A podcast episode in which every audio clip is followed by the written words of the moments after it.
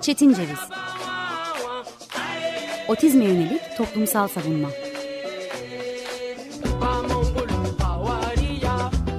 Hazırlayan ve sunan Deniz Yazgan. Zorlu Holding Sürdürülebilirlik Platformu Akıllı Hayat 2030, herkes için daha yaşanabilir bir dünya diler. Merhaba, 95.0 Açık Radyo'ya uzaklardan bağlanmaya devam ediyoruz. Ben Deniz Yazgan, bugün 9 Mart 2022 Çarşamba. Otistiği ağır ve hafif, bozuk ve sağlam olarak ikiye ayırmayan dünya düşleriyle Çetin Ceviz dinliyorsunuz. İki hafta önceki yayında hala haber bekliyoruz sizden başlığı ile verilen ve tutulmayan sözlerden aslında baştan bu yana bu sözlerin otistiğin kendisine değil de otistiğin yalnız bırakılmış ve çaresizleştirilmiş ebeveynine verildiğinden bahsetmiştim. Ama 8 Mart'ı da arkamızda bıraktığımızda akla gelen bir şey var. Daha doğrusu otistik denince akla gelen biri var ve akla gelen kadın değil.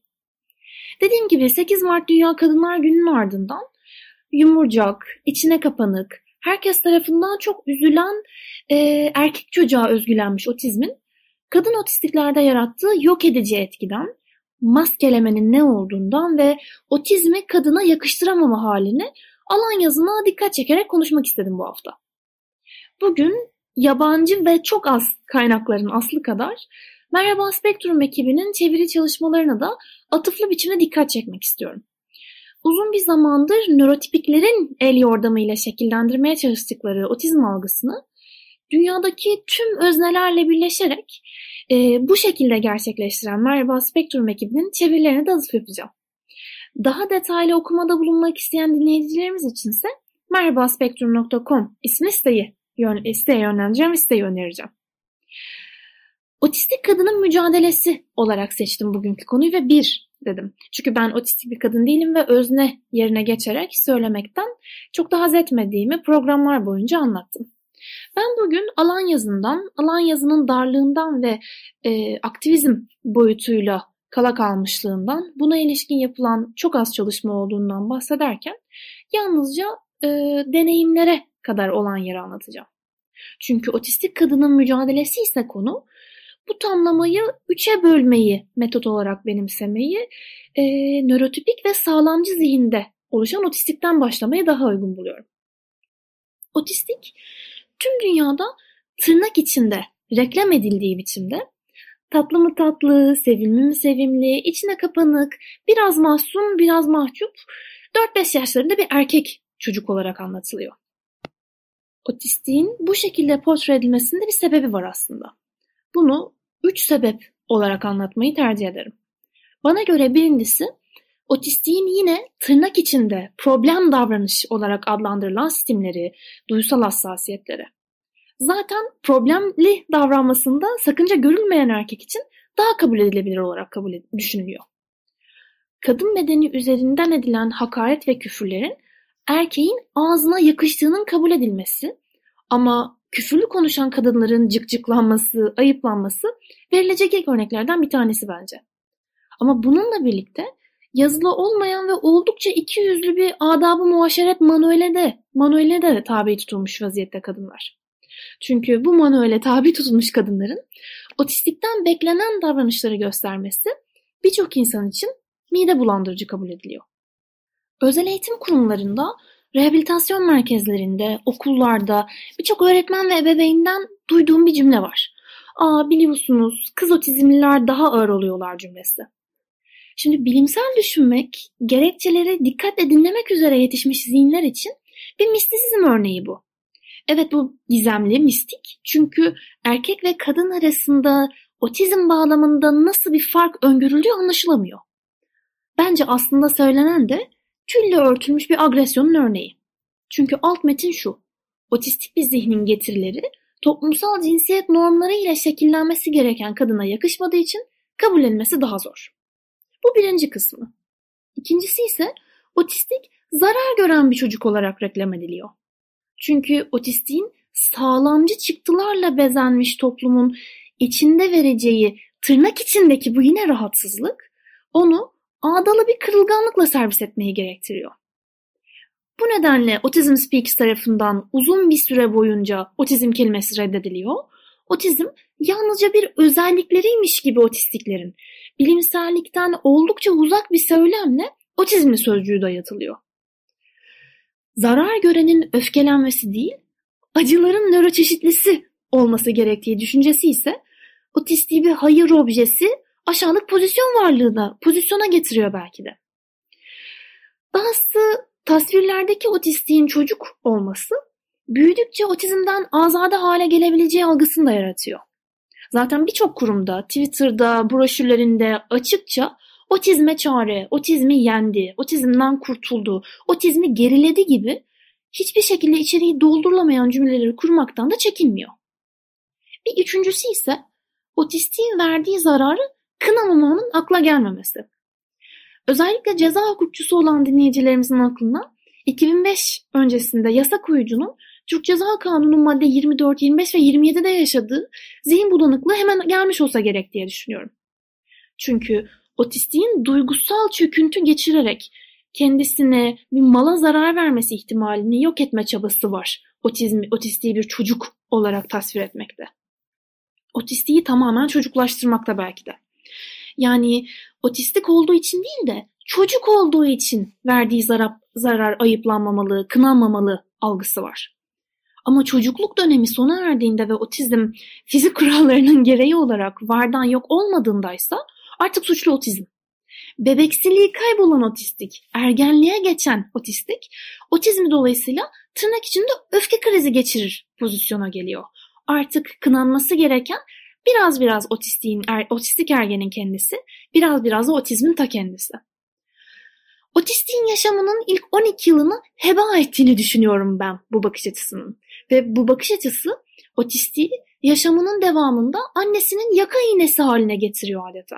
Çünkü sosyalleşmesi mazeretlere, bahanelere, emrivakilere ve reddedişlere bağlı olan, bu reddedilişi göze olmaya bağlı tutulan otistik, yaşamının dediğim gibi bu ilk 12 yılında tıpkı özellikle 80'li yıllarda ABD'de LGBT artı çocuklara uygulanan conversion therapy yani heteroseksüelliğe geri dönüşe ilişkin uygulanan sözde bilim, dönüşüm terapisine tabi tutulur gibi hayır, sallanma, yan bakma, köpek gibi uluma gibi sözcük ve tutulma, emir kipiyle ve hakaret ederek yüksek sesle konuşmaya uğradıktan sonra yani kötü muameleye uğradıktan sonra ergenlik döneminde otistiğin İslam, isyan bayrağını çekmesi ve öfkesi sağlamcı kirişlerle inşa edilmiş topluma sığmıyor. Ve bunun faturasını otizme kesmek yine kolay oluyor. Otistik kadınsa bu denklemde toplumsal cinsiyet normlarına uygun davranmadığı, uyum sağlamadığı sürece bizim canımız kardeşimiz, vah yazık dediğimiz ve aslına bakarsak toparlamak gerekirse günün sonunda toplumun otistikten aseksüellik beklentisine dönüşüyor. Bu tırnak içinde kız otizmlilerin ağır olduğu söylemine bence geri dönmek gerekiyor. Çünkü toplumsal olan cinsiyeti toplumun geri kalanı gibi algılamayı, geri kalanından bir parçaymış gibi algılamayı reddeden kadın otistiğin hareketleri, erkek otistiğin hareketlerinden daha çok skandal, daha çok skandala yönelik. En azından böyle anlaşılıyor. Otistik erkek evlada, çocuk kelimesini bilerek kullanıyorum. Otistik yetişkin erkek evlada bakımın otistik yetişkin kadın evlada bakımdan daha kolay olduğu söylemi de toplumsal cinsiyet normlarının getirisi aslında. Çünkü anne ve baba otistik erkeğin mahremine ve özel bakımına ilişkin zorunlulukları daha kolay benimsiyor bu camiada, bu toplumda. Kadın otistikse anne ve baba birlikte olsa, evlilik birliği içerisinde veya beraber yaşıyor, yaşamı paylaşıyor olsa dahi yegane annenin sorumlu haline kolayca dönüşüyor. İlişki kangren haline geliyor ve otistik kadın günün sonunda yine ve yine edilgenleşiyor. Merhaba Spektrum kullandıkları terimleri açıklayan bir merhaba sözlük oluşturmuş ve ben bundan çok mutlu oldum. Çünkü çoğu zaman ben maskeleme, otistik e, tükeniş, e, duygusal çöküntü kelimelerini kullandığımda hiçbir dönüş olamıyordum. Tıpkı e, cins, cinsiyete, toplumsal cinsiyet normlarına ilişkin Cinsel Şiddetle Mücadele Derneği'nin oluşturduğu Glossary Index gibi, e, sözlük gibi bir otizm sözlüğünün olması beni çok mutlu etti. Bir nöroçeşitlilik sözlüğünün olması beni çok mutlu etti gerçekten. Ve bu bağlamda maskelemeden söz edeceksem ilk önce tanımı vermem ve merhaba sözlüğün tanımını vermem daha iyi olur gibi geldi.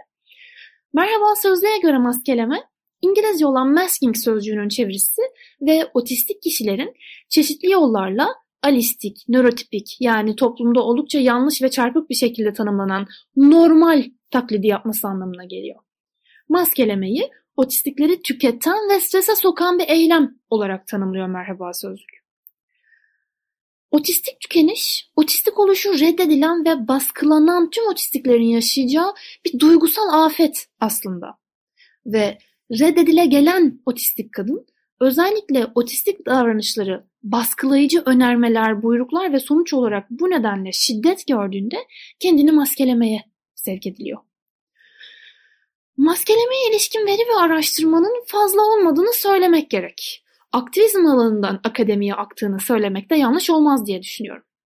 Çünkü otizme ilişkin tıp camiası, tıbbiyeliler engelliyi açıklayan tıbbi modeli terk etmekte elbette güçlük çekiyorlar. Veya tıbbi modelle sosyal modeli hemhal etmeyi veya insan hakları modeline geçmekte elbette güçlük çekiyorlar. Çünkü bu büyük güçlüğün maskelemeye ilişkin araştırmaları da yavaşlatmış durumda olduğu açık. Buna göre içerik bakımından en detaylı açıklamayı Amy Pearson ve Kieran Rose'un yazarlığını üstlendiği Autistic Masking a Conceptual Analysis yani otistik maskeleme kavramsal analiz başlıklı makale bizlere sunuyor diye düşünüyorum. Çünkü Pearson ve Rose'a göre otistik maskeleme doğal otistik tepkilerin bilinçli, daha demin yukarıda söylediğim gibi kişilerin baskılanması sonucu bilinçli veya toplumun bize arka planda bir altyazıyla ak- akıştırdığı e, baskıyla bilinçsiz olarak bastırılmasını ve çeşitli alanlarda alternatiflerin benimsenmesini anlamaya odaklanan gelişmekte olan bir araştırma alanı olarak tanımlanıyor. Maskelemenin kimi zaman geç tanı, kimi zaman ruh sağlığı sorunları, tükenmişlik ve intihar gibi otistik insanlar için oldukça olumsuz sonuçlarla ilişkili olabileceğini öne sürüyor Pearson ve Rose bilinçle.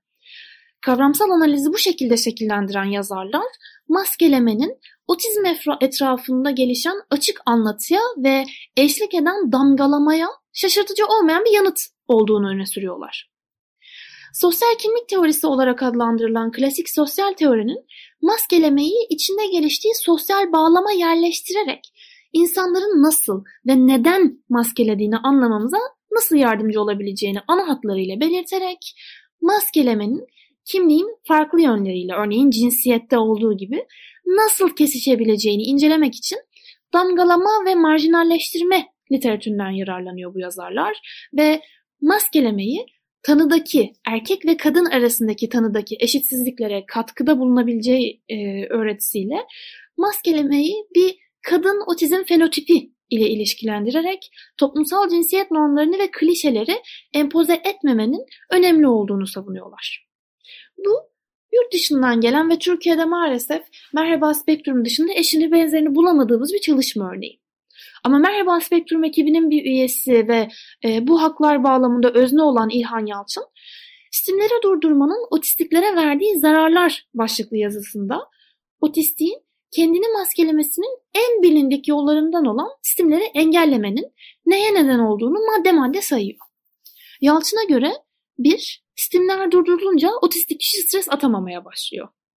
2. Stimlerin engellenmesi ruh sağlığı problemlerine sebep olabiliyor. 3. Stimlerin engellenmesi iletişimi engelliyor. Çünkü stimler amaçsızca yapılan hareketler değiller. Stimlerin stresle başa çıkma yanında iletişim kurmada yardımcı olma işlevi de var. Ve 4. Stimlerin engellenmesi kişinin günlük hayatını sekteye uğratabiliyor. 5. Stimlerin engellenmesi öğrenmeyi zorlaştırabiliyor. 6. Dış dünyayı daha başa çıkılamaz hale getirebiliyor. 7. Akademik başarıyı düşürebiliyor. 8. Duygusal çöküşleri tetikleyebiliyor. Ve son olarak 9. Stimlerin durdurulması otistik kişiyi ekstra strese sokuyor. Yalçın'a göre stimler durdurmaya karar verdikten sonra hemen durdurulabilen şeyler değiller. Birçok zaman stimler fark etmeden yapılmaya başlanıyor ve bilinçli değil. Bu yüzden stimlerini durdurmak zorunda kalan otistik kişiler sürekli stim yap yapmadıklarından emin olmak, sürekli vücutlarının farkında olmak ve sürekli sabit durduklarından emin olmak zorunda kalıyorlar. Bu tip bir baskının altında otistik tükenişim veya duygusal çöküntünün yaşanmayacağını düşünmekse çok da mantıklı değil gibime geliyor. Otistik kadının erkek otistiğin ötekisi olmasına engel olmak adına da alanda gece yürüyüşünde ediniyor çeşitli kadınlar. Spektrumlar vardır pankartıyla yürüyüşte olan otistikler kadın otistiğin var olduğunu da kanıtladılar dün gece. Onları görün, görün onları, onları sevin gibi ağdalı bir söylemi körüklemeyecek, yinelemeyeceğim elbette. Çünkü otistik kadınlar sizin duyularınızı bizim duyularımızla uyarmak adına gözlerimiz dolsun, hüzünlenelim veya tırnak içinde başardılar diye gururlanalım diye yaşamıyorlar. Belki otistik kadının en büyük mücadelesinin öznelerden aktarıldığı gibi bu şekilde olduğunu söylemek mümkün.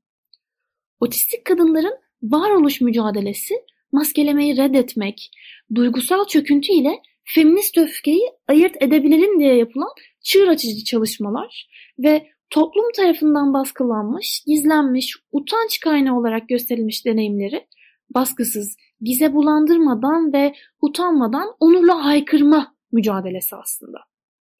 Ve anlıyoruz ki alanı da artık otistikler yazıyor. Kısıtlı olan alan yazının kuvvetlenmesi için platformun öznelere devrini savunuyordum bugüne kadar. Yani biz alandan çekilelim onlar alana gelsin diye düşünüyordum. Ama anlıyorum ki sağlamcı ve nörotipik emir ve komutalarla inşa edilmiş platformu yıkarak alanı, kürsüyü, seslerini kendilerinden ve özgünlüklerinden oluşturmaya hazır otistiklerin platformuna yüzümüzü dönmemiz gerekiyor artık. Ben de bunu yapmak adına bir sonraki programda otistik kadın öznelerin deneyimlerinin Açık Radyo'nun sanal semalarında yankılanmasını amaçlıyorum. Ben Deniz Yazgan, bugün 9 Mart 2022 Çarşamba, kainatın tüm nöroteşitlerini Açık Radyo'da Çetin Ceviz'de otistik kadının mücadelesine dair alan yazının kısa ve kısa olmaya mahkum olmayan paylaşımlarını dinlediniz. Programa dair görüş ve önerilerinizi cetincevizpodcast.gmail.com'a yönlendirebilirsiniz. İki hafta sonra otistik kadın öznelerle buluşmak üzere, hoşçakalın.